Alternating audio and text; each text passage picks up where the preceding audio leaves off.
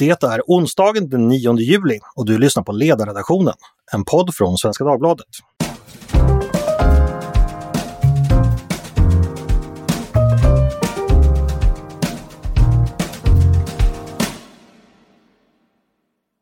Äntligen stod statsminister i talarstolen. Och det visade sig vara samma gamla Stefan Löfven som vanligt. Sedan några timmar är han återvald för att bilda regering med Miljöpartiet, med Centerpartiet och Vänsterpartiet så något oklart och något ovilligt, men dock underlag. Det är alltså resultatet efter de sommarveckor av regeringskris vi precis gått igenom. Men hade det kunnat gå annorlunda? Hade Ulf Kristersson kunnat få ihop tillräckligt med röster för att bilda regering genom att få Centerpartiet att byta sida? Och hur länge ska egentligen synen på SD avgöra vem som ytterst ska styra Sverige? Det ska vi prata lite om idag. Jag heter Andreas Eriksson och med mig har jag Benjamin Dosa, chef för den marknadsliberala tankesmedjan Timbro. Välkommen hit Benjamin! Stort tack! Jag har också med mig Hanna Wagenius, tidigare ordförande för Centerpartiets ungdomsförbund och numera KSO i Östersunds kommun. Välkommen hit Hanna! Tack så mycket! Eh, Benjamin, jag tänkte börja med dig. Du skrev en artikel på DN Debatt förra veckan, på den tiden vi fortfarande inte hade någon regering, där du argumenterade för att en Centerpartiets återanslutning till borgerligheten helt enkelt. Även fast den numera hämtar stöd från SD. Bland annat med argumentet att du har gjort en, eller ni på Timbro hade gjort en demoskopundersökning som visar att Centerväljarna står tydligt till höger. Kan du berätta lite hur du tänkte när du skrev den artikeln och vad du, vad du ville ha ut med den? Mm, nej, men de senaste veckorna så har ju varit stort fokus på just budgetfrågan. Alltså vilket regeringsunderlag kan också få igenom en, en budget genom Sveriges riksdag. Eh, så då gjorde vi en demoskopmätning, många tillfrågade, där vi helt enkelt eh, ställde frågan till alla väljare, men eh, såklart även till Centerväljarna, men också till SD-väljarna, vad de tycker i en rad olika frågor. Och då handlar det om man på det stora hela till exempel tycker att skatterna borde vara högre eller lägre. Där är det tydligt så att både C och SD-väljarna står till höger, alltså vill ha lägre skatter. Eh, vi ställde också frågor eh, kopplat till eh, vad man tror skapar jobb. Är det politiker som skapar jobb eller är det företag, företag och entreprenörer som gör det? Eh, även där så i stor skala så, så svarade de då eh, företag och entreprenörer. Och här ser man att det är en stor skillnad mellan eh, å ena sidan högerpartierna, eh, hur man nu väljer att beteckna eh, till exempel Sverigedemokraterna. Eh, å andra sidan vänsterpartierna, att det är väldigt stor skillnad. Och där kan man konstatera generellt sett att det finns eh, bland väljarna, då, det här är alltså inte partiledningarna, utan bland väljarna en stor samsyn i den ekonomiska politiken mellan M, KD och SD-väljarna. Sen ett litet, litet hopp eh, till L-väljarna och sen ett hopp till C-väljarna. Eh, men sen ett väldigt stort hopp då till vänsterväljarna av, av olika då färger om man är hos MP och S och, V. Och om man då håller fokus på just de ekonomiska frågorna så tycker jag ju bland väljarna då att, att, att, det, att det finns ett projekt ändå att bygga kopplat då till den ekonomiska politiken. Det betyder inte att man är överens om allt. Och om, man, om man tittar på till exempel Centerpartiet så kan man ju se att den partiledningen egentligen står till höger om sina väljare. Och att Centern förvisso idag har hyfsat högerväljare när det kommer till ekonomiska frågor, eh, men drar ändå åt vänster. Eh, Medan SD å andra sidan har väljare som står till höger om sin partiledning. Mm, Okej. Okay. Eh, Hanna, jag tänkte vända mig till dig. Här berättar Benjamin att Centerväljarna visserligen står i mitten, men de verkar stå närmare eh, Sverigedemokraterna, M och KD och även L. Eh, men du reagerade på, på artikeln, jag såg att du skrev på Twitter nämligen så här att eh, Timbros VD har skrivit på DN Debatt och verkar tro att den borgerliga värdegemenskapen främst kan mätas hur väljarna ställer sig till skattesänkningar. Eh, du verkar inte ge mycket för den här eh, ekonomiska linjen som Benjamin ritar upp, eller hur tänker du? Jo, men det är klart att jag tycker att den ekonomiska linjen är viktig, men det är inte den enda linjen som var det som en gång i tiden formerade borgerligheten.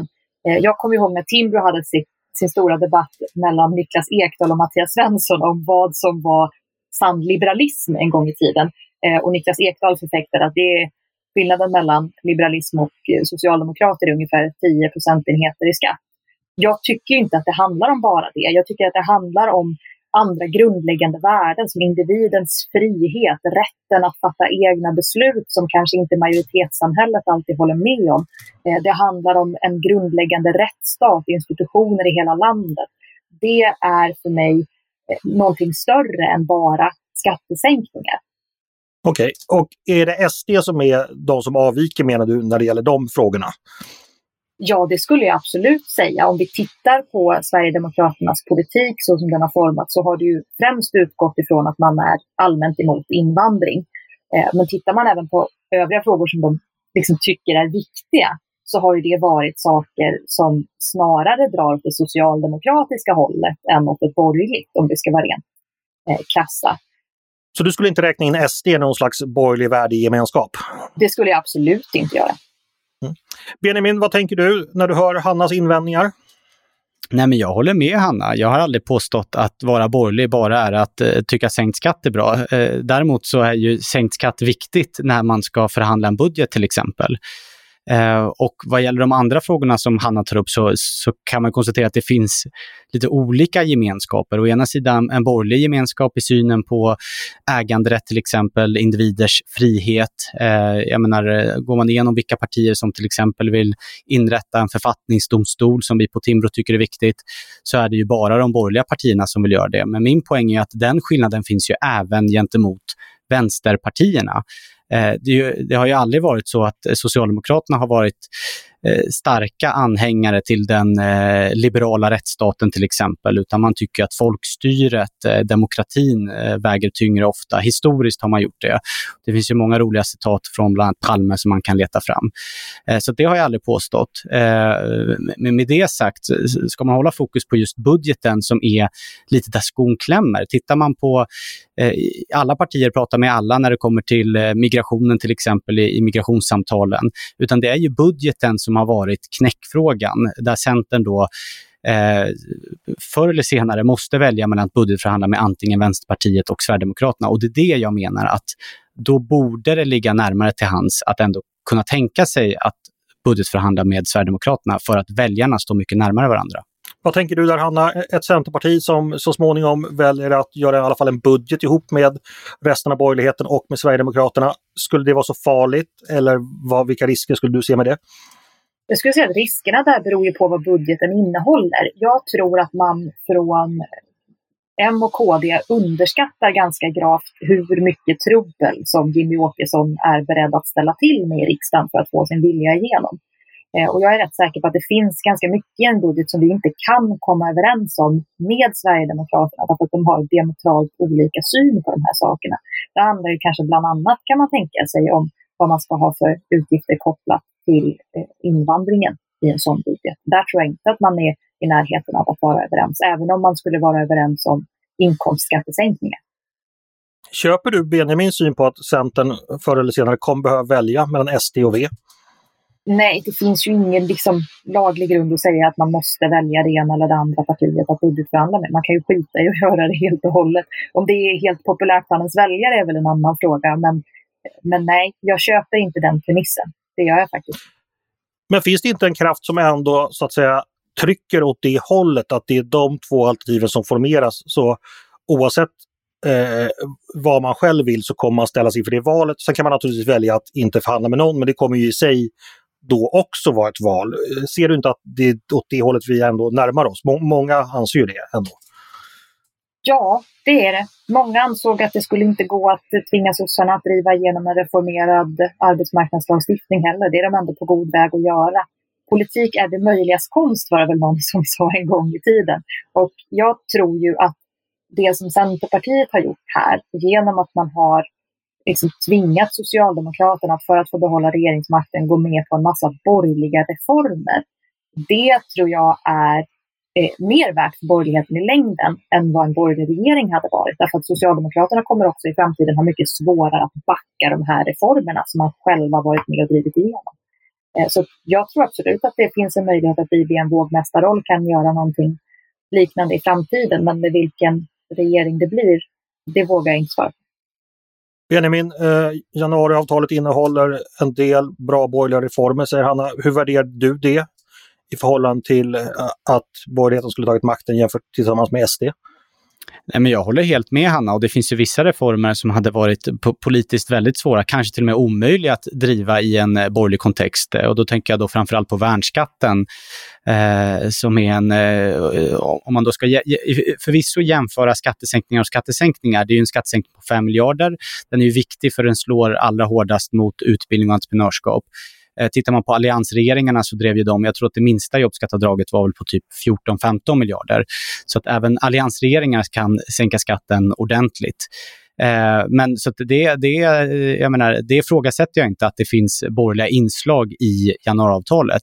Problemet och min huvudsakliga invändning nu mot Centerns agerande är ju att man sätter sig i en position där man nu inte är vågmästare. För det finns ju inga parlamentariska förutsättningar eh, för Centern att just nu välja ett annat alternativ. Alltså man har ju, eh, om, om vi då inte tänker oss ett Narnia-scenario där Alliansen får egen majoritet. Jag hade varit den första att eh, jubla över det, då tror jag Hanna också hade gjort. Det ser ju tyvärr ganska osannolikt ut att det, att det blir på det sättet. Och om då Alliansen inte får egen majoritet så har ju eh, Centern då sagt att under inga omständigheter kommer man ändå släppa fram en borgerlig regering eller sätta sig i en borgerlig regering. Och det innebär ju att eh, vad ska man säga, förhandlingskortet gentemot vänstersidan blir ju dessutom blir ju svagare då. Eh, titta bara nu januariavtalet och så jämför vi nu det nya, vad ska vi kalla det, skogs och strandskyddsavtalet eh, som Centern krävde för att trycka gult på regeringen som tillträdde idag. Eh, den innehåller ju mycket färre liberala delar som dessutom Miljöpartiet har sagt att man inte kan ställa sig bakom. Om vi då tänker oss nästa mandatperiod när vänstern kommer kräva att helt delta i regeringssamverkan, då kommer nog de, eh, de liberala inslagen bli ännu, ännu mindre. Och min poäng är, eh, eh, så här, jag tror jag och Hanna har, har, har en samsyn kring problemen som skulle kunna uppstå med att förhandla en budget med Sverigedemokraterna. Jag menar, framförallt ledningen då har ju en helt annan syn på bidragsfrågor, inte minst a-kassa, sjukpenning, förtidspension och så vidare. Men man måste fråga sig också, vad är alternativet för till exempel M och KD och Liberalerna nu också? Är alternativet, vad, vad, om vi leker med tanken att Annie Lööfs favoritscenario hade, hade gått igenom, det vill säga att S, vi, vi har en S, M och kanske C-regering. Hade Vänsterpartiet och Sverigedemokraterna ökat eller minskat i, i, i väljaropinionen? Jag tror att de hade ökat ganska kraftigt. Hade de liberala inslagen blivit större eller mindre då? Vad kan S och M enas om? Jo, det är ju bara i princip invandringsfrågor man hade kunnat enas om. Så att jag är inte helt säker på att man som liberal hade fått eh, mer liberalism i en SM-kontext. Ja, det var mycket saker där. Jag tänkte bara börja med bara, eh, Hanna, Benjamin säger här att Centerpartiet kommer inte gå med och sätta sig i en borgerlig regering om den inte har egen majoritet. Är det verkligen så man har sagt från Centerpartiets sida? Nej, det är det ju inte. Jag ska börja med att säga att jag vet inte riktigt var Narnia-referensen kom ifrån. Eh, den kändes väldigt oklar. Men framför allt så är det så att det vi har sagt är att vi kommer inte att stödja en regering som behöver ett aktivt stöd från Sverigedemokraterna. Och så ser mandatfördelningen ut just nu i riksdagen, att en borgerlig regering skulle behöva ett aktivt stöd av Sverigedemokraterna. Eh, hade vi haft ett mandat till hade det räckt med att de bara röstade gult och följde praxis på något vis då hade en borgerlig regering kunnat tillträda. Det har Annie Lööf sagt hela tiden. Men nu går inte det. Vi, vi har inte den, eh, den möjligheten. Hur förutsättningarna kommer att se ut efter nästa val, det vet inte jag och det vet inte Benjamin heller. Men jag tycker det ska bli spännande att se. Jag tror att det kanske finns ännu större möjligheter att göra liberala reformer då. Men det beror ju på vad vi får för mandatfördelning. Jag tycker mm. att det som är tråkigt och det som, det som har hänt liksom under den här mandatperioden, det är ju att alla de saker som gjorde att Centerpartiet tryckte gult för Kist, eller tryckte rött för Kristersson i förra vändan, den långa regeringsbildningen 2018-2019. Alla de farhågorna som man hade, de har ju infriats också av Moderaterna. Man har gått till ett mer invandringskritiskt håll. Senast idag sa Kristersson att invandringen har blivit en belastning för Sverige. Man har gått Sverigedemokraterna till mötes. När vi eh, gjorde upp med, med Socialdemokraterna och Miljöpartiet, då sa man att Åh, men alla de där punkterna hade ni kunnat få med oss också och vi hade lovat att genomföra det utan SD-stöd. Nu har man gått till en position där man säger att men det är klart vi ska regeringsförhandla med dem, inga problem. Vi, vi hänger med de här killarna, vi försöker göra dem så regeringsfähiga som möjligt. Det är klart att Centerpartiet har ännu svårare att samarbeta med Moderaterna då. Och det beror ju på att Moderaterna har gjort en positionsförflyttning gentemot vart man stod innan förra valet.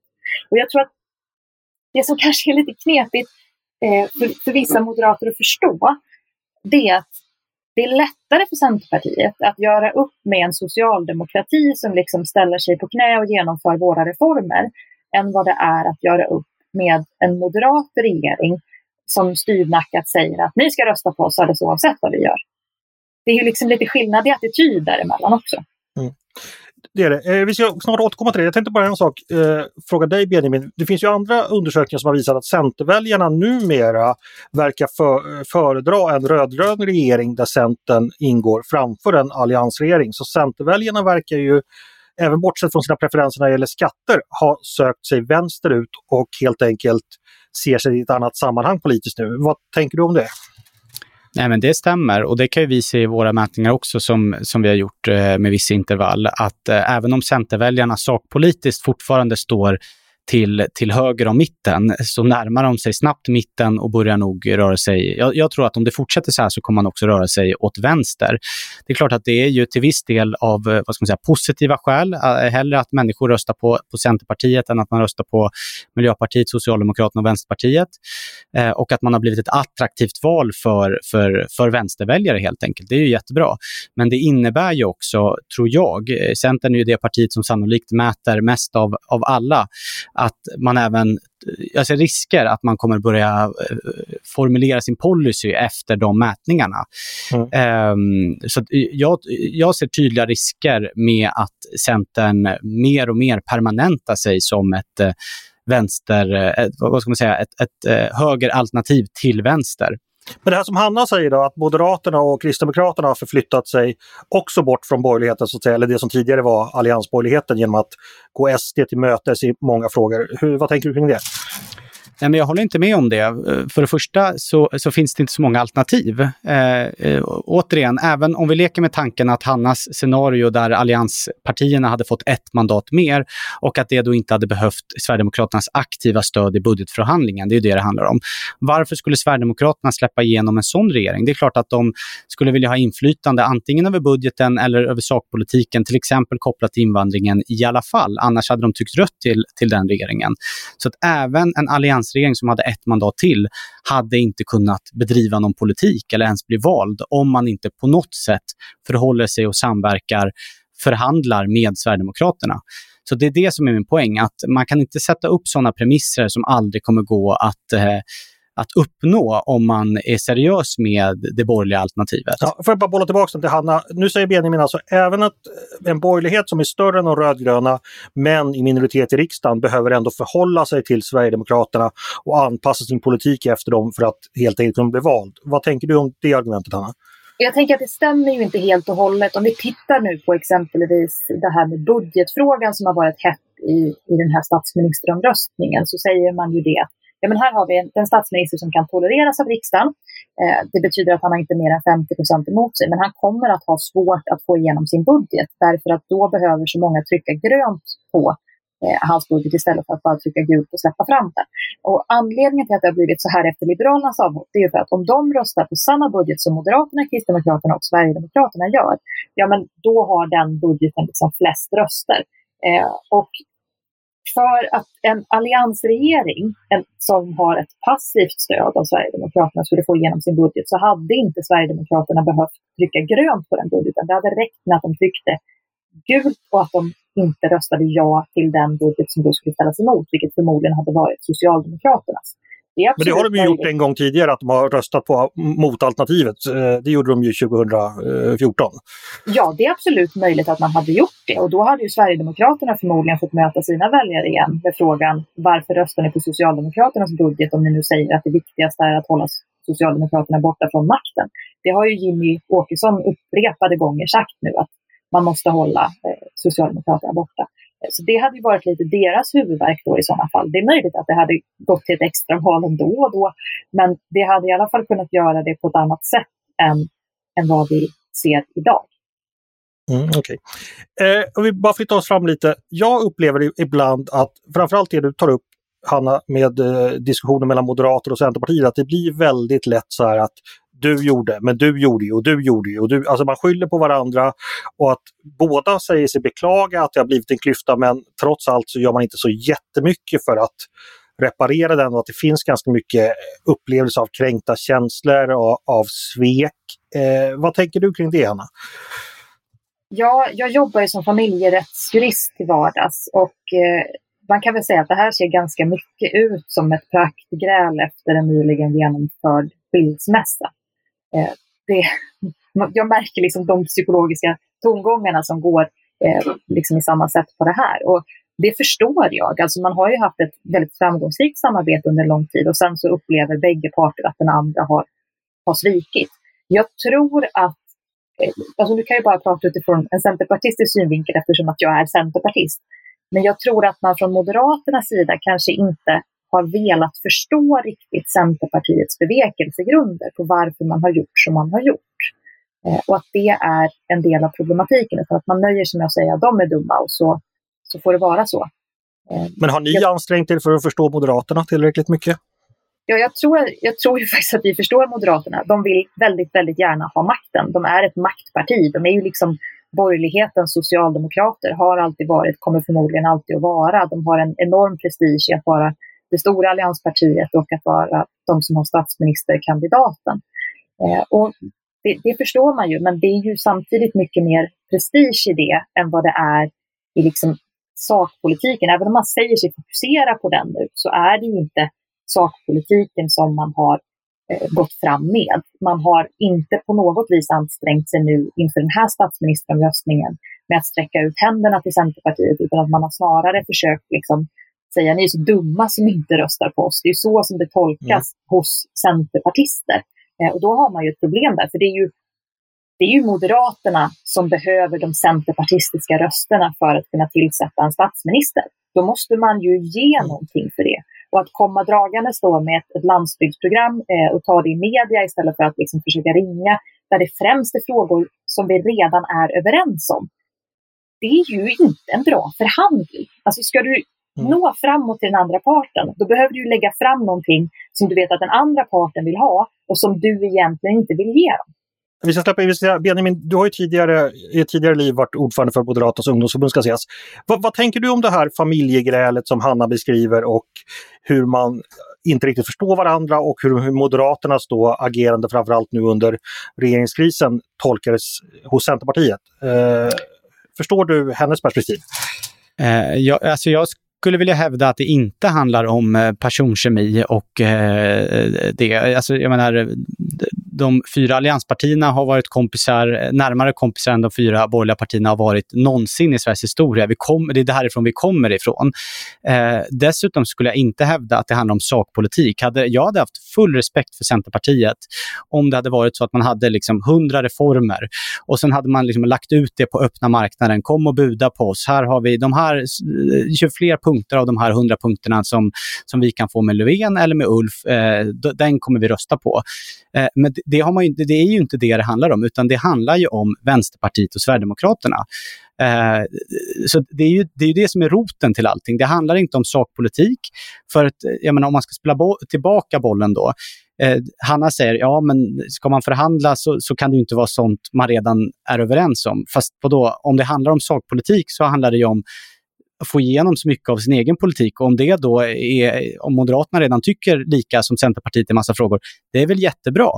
Eh, och om Centerpartiet då skulle ställa krav på typ arbetskraftsinvandringen, nej nu ska vi inte höja taket lika mycket som jag är helt för, som Moderaterna vill, eller golvet. Eh, men, men det, jag menar, ä, även givet att man har sagt att man aldrig kan tänka sig ett budgetsamverkan med Sverigedemokraterna, så skulle, ju änd så skulle man ändå inte kunna trycka gult till en sån regering så det spelar liksom ingen roll. Även, även om Moderaterna gick ut och sa, om Moderaterna gick ut och sa så här, vi kommer driva hela Centerpartiets politik. Vi, nu, liksom, nu stryker vi en tuschpenna och bara stryker över hela Moderaternas politik. Nu kör vi copy-paste på Centerns partiprogram om jag blir statsminister, om Ulf skulle säga det. Men för att få igenom den så måste jag budgetsamverka med Sverigedemokraterna. Då skulle ju ändå inte Centerpartiet trycka gult. Men problemet med det är att Centerpartiet skulle säkert trycka gult, men Sverigedemokraterna skulle i sådana fall trycka rött. Därför att du får inte ihop Centerpartiets politik med Sverigedemokraternas. Det är det som är liksom grejen också med en sån här budgetförhandling. Ja, det kanske handlar om mer än bara sakpolitik, det kan handla om lite ideologi också. Men även om det handlar om sakpolitik så är vissa frågor viktigare än andra. Eh, precis på samma sätt som vi har personer i våra liv som betyder mer än andra personer i våra liv eller ägodelar som vi värdesätter högre än andra ägodelar så måste man ju förstå att det handlar inte bara om antalet sakfrågor som man kan få igenom. Det handlar ju också om vilken tyngd de sakfrågorna har. Men Hanna, om man är medveten om, om detta och värdes, vet vad man värdesätter, skulle man ändå inte kunna sätta sig och försöka se hur det går att förhandla med Sverigedemokraterna och sen säga att det gick inte för att de ville X och Y och det var för dyrt för oss. Eh, är det så farligt att ens försöka? För det är väl lite det Benjamin försöker få fram, att man skulle kunna ändå gå åt det hållet. Hur tänker du då? Jag tror att det är farligt att försöka just därför att då legitimerar man också Sverigedemokraterna på ett sätt som nu förvisso då Moderaterna och Kristdemokraterna har ägnat hela den här mandatperioden åt att redan göra, men som jag inte gärna vill att mitt parti är med på. Det är ett parti som är sprunget ur den nynazistiska rörelsen. Jag tycker inte att vi ska hola med dem helt enkelt. Ja, precis. Men då är det legitimitetsaspekten som är det som fäller avgörande, inte det eventuella sakpolitiska ut, utfallet, utan det är, det är att man helt enkelt inte kan förhandla med dem på grund av deras historia och nutid också. Ja, men det är lite både och. Dels så är det naturligtvis mm. det, men sen handlar det också om att vi vet ju redan på förhand att Sverigedemokraterna, de kommer inte acceptera en budget som innebär en ökad arbetskraftsinvandring eller att vi har mer familjeåterförening eller någonting av det som väl rimligtvis hade varit Centerpartiets krav i en sådan budget gentemot mm. de borgerliga partierna i övrigt.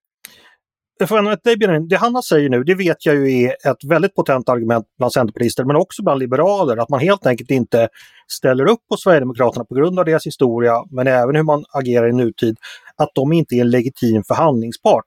Hur, hur ställer du dig till det argumentet och eh, erkänner du det som relevant eller kan du förstå det? Det, det, det första motargumentet skulle ju vara, eh, ja men vad är alternativet? Eh, om man ändå vill ha liberal politik, eh, kan man inte då, och, och tittar man på till exempel invandringsfrågan som såklart är den som är är absolut känsligast när det kommer till Sverigedemokraterna. Och, så, och, och Sverigedemokraterna pratar om storskalig återvandring. Rispar man lite på det, okej, okay, men vad betyder det? Eh, jämför man, tittar man på till exempel Moderaterna och Kristdemokraternas eh, migrationspolitik, och då menar jag inte arbetskraftsinvandringen utan asyl och anhöriginvandringen att lägga sig under Moderaternas migrationspolitik, eh, det är knappt förenligt med Europakonventionen till exempel.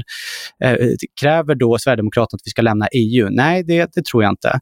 Eh, så, så, vad betyder det här? Och så rispar man lite och så läser man vad de i sak faktiskt tycker. Ja, det handlar om att eh, upprätta fler inre utlänningskontroller till exempel. Det gjorde ju alliansregeringen. Mm. Eh, så, så, min poäng är att i, i, sak, när man ska, ska man hålla fokus på sakpolitik, vilket jag tycker att politik borde handla om, eh, då står inte ens Sverigedemokraterna så långt ifrån de borgerliga partierna och som man kan tro, till och med den känsliga migrationsfrågan. Jo, absolut. Men jag tror du missförstod mig här lite. För att argumentet som jag uppfattar i alla fall, som jag vet finns inom Liberalerna och som jag tror även finns inom Centerpartiet, det är att det inte handlar om sakpolitik utan att det handlar om så att säga djupare frågor som har med ett partis historia att göra, som har att göra med hur, liksom politikens utveckling under hela 1900-talet sett ut, vad vi har lärt oss av vår historia. Jag säger inte att du behöver dela den analysen, men kan du förstå att man gör den analysen också? Att det också spelar in? För det, det tror jag det gör, nämligen. Nej, men jag skulle säga att det uteslutande handlar om just det argumentet. Att det inte, hade det handlat om sak, då hade man kunnat få ihop det här. Mm. Eh, men det handlar just om, om eh, legitimitetsargumentet. Och jag hävdar ju att det är alltså inte andra partier som legitimerar varandra, utan det är väljarna som gör det. Och uppenbarligen så har 17, 18, 19, 20 procent i vissa mätningar procent av väljarna legitimerat det partiet och, och röstat in dem i riksdagen. Och nu är ju alternativet att, röst, att, att budgetsamverka och, och ha att göra med Vänsterpartiet. Och jag skulle inte säga att de har så jättemycket ljusare historia. De har ett ungdomsförbund som fortfarande kallar sig kommunister till exempel. Mm. Um, och det är ju de två man har att välja på. Bolla tillbaka till dig Hanna. Uh, Benjamin säger att eh, det är väljarna som har legitimerat Sverigedemokraterna, det är inte partierna som gör det och att man trots allt måste välja mellan två onda saker. Köper du det argumentet? Nej, men jag gör ju inte det. Alltså, dels så tycker jag att det handlar inte bara om att det är väljare som legitimerar Sverigedemokraterna. Naturligtvis legitimeras de också av andra partier. Men framförallt så ställde ju Benjamin frågan, vad är alternativet här? Och det tycker jag är en otroligt intressant fråga. Eh, för att den besvarade jag redan till hans föregångare på MUF-ordförandeposten på någon hotell, något hotellrum i Sälen under Folk och Försvar för en herrans massa år sedan när vi gick in i den här vansinniga decemberöverenskommelsen. Eh, och det var ju att man gör det som vi nu gjorde med Socialdemokraterna. Vi sa okej, okay, ni får de fina ministerposterna, ni får statsministerposten, ni får era regeringskanslier, men ni ska driva våran politik. På det villkoret får ni sitta i Rosenbad. Och det fungerar ju. Alltså, det får man ändå ge Stefan Löfven. Han har ju väldigt troget hållit fast vid de överenskommelser som han har slutit med Centerpartiet och Liberalerna i januariavtalet. Eh, det, det, har inte blivit perfekt. Exempelvis i liksom resultatet av den här vändan vi har haft i riksdagen nu, det är att Moderaterna och Kristdemokraterna stoppade en reformering av hyresmarknaden. Det är ju liksom, det, är det faktiska utfallet av det vi har haft. Men man måste liksom kunna se det på, på det sättet. Att vad, kan, vad är alternativet? Ja, men det är också ett alternativ. Och det är ett bra alternativ utifrån att det blir svårare för Socialdemokraterna att rulla tillbaka de reformerna. Och att man inte riktigt ser värdet i det, det tycker jag är, eh, det är tråkigt faktiskt. Får jag bara säga en, en snabb kommentar till det. Eh, så här, jag, jag, tror dessutom Centerpartiet underskattar hur mycket regeringsmakten ändå betyder i sak. Alltså utnämningsmakten, att utse alltifrån ambassadörer till eh, generaldirektörer på olika myndigheter. Att i regleringsbrev också bestämma vad myndigheterna ska hålla, hålla koll på och, och, och hålla på med. Eh, så att även i, eh, i sak så betyder regeringskansliet och Rosenbad väldigt mycket. Det är klart, men man kan ju ställa krav även på hur de utövar den makten. Just det. Hörrni, vår tid närmar sig slutet. Jag tänkte bara ställa en sista fråga till er båda. Eh, och den gäller så här att det vi har pratat om idag, det är ju inga nyheter för någon av oss eller för någon som har verkat inom svensk politik och opinionsbildning de senaste 10-15 åren. Jag skulle vilja bara be er svara så ärligt ni kan på hur länge ska vi hålla på och tjata om det här med synen på SD och hur länge kommer det, eller tjata, hur länge kommer det styra vem som styr Sverige? Och vad, liksom, vad kommer kunna lösa ut den här konflikten? Ser ni något framför er som skulle kunna vara ett endgame för det här då vi kan komma vidare? E-, eller, eller finns det ingen lösning? Eh, vad är era prognoser helt enkelt? Eh, Benjamin, du kan börja. Vad säger du? Men vi kommer nog, eh, eller vi, eh, Socialdemokraterna kommer nog använda det som vapen så länge som det funkar. Eh, jag ska inte säga vem det var, men jag pratade med en högt uppsatt socialdemokrat som skrattade så här. Och jag frågade så här, men det verkar inte bita på väljarna. Det verkar inte konvertera massa moderater till att bli socialdemokrater. Då skrattade han och sa att nej, men vi behöver inte konvertera väljare på det. Vi behöver bara skrämma centerpartisterna. Eh, och därför kommer vi fortsätta tjata om eh, eh, liksom, hotet mot demokratin. Eh, så att så länge Socialdemokraterna känner att det här, för det här är ju maktstrategi från socialdemokratin, och så länge de känner att de tjänar på det så kommer det, vi fortsätta tjata om det. Hanna, du får samma fråga, får göra din egen analys. Om jag ska vara riktigt, riktigt krass så tror jag att det här kommer att fortsätta styra till dess att Moderaterna har fått testa att styra med SD eh, som regeringsunderlag och förstått vad det har inneburit. Det är min mm. gissning. Intressant. Två, två skilda analyser och två skilda prognoser. Vi får se. Eh, vi får väl kanske återsamlas om några år och se vem som hade rätt. Hörrni, stort tack för att ni ville vara med och prata med mig idag. Tack så mycket Hanna och Genius. Tackar. Och tack eh, Benjamin Dosa. Tack. Eh, du har precis lyssnat på Ledarredaktionen som är en podd från Svenska Dagbladet. Varmt välkomna att höra av er till oss på redaktionen med tankar och synpunkter på det vi har precis diskuterat eller om ni har idéer på saker vi ska ta upp i framtiden, då är det bara att mejla till ledarsidan snabel svd.se. Dagens producent har varit Jesper Sandström. Själv heter jag Andreas Eriksson och med det tackar jag för idag. Jag hoppas att vi hörs igen snart.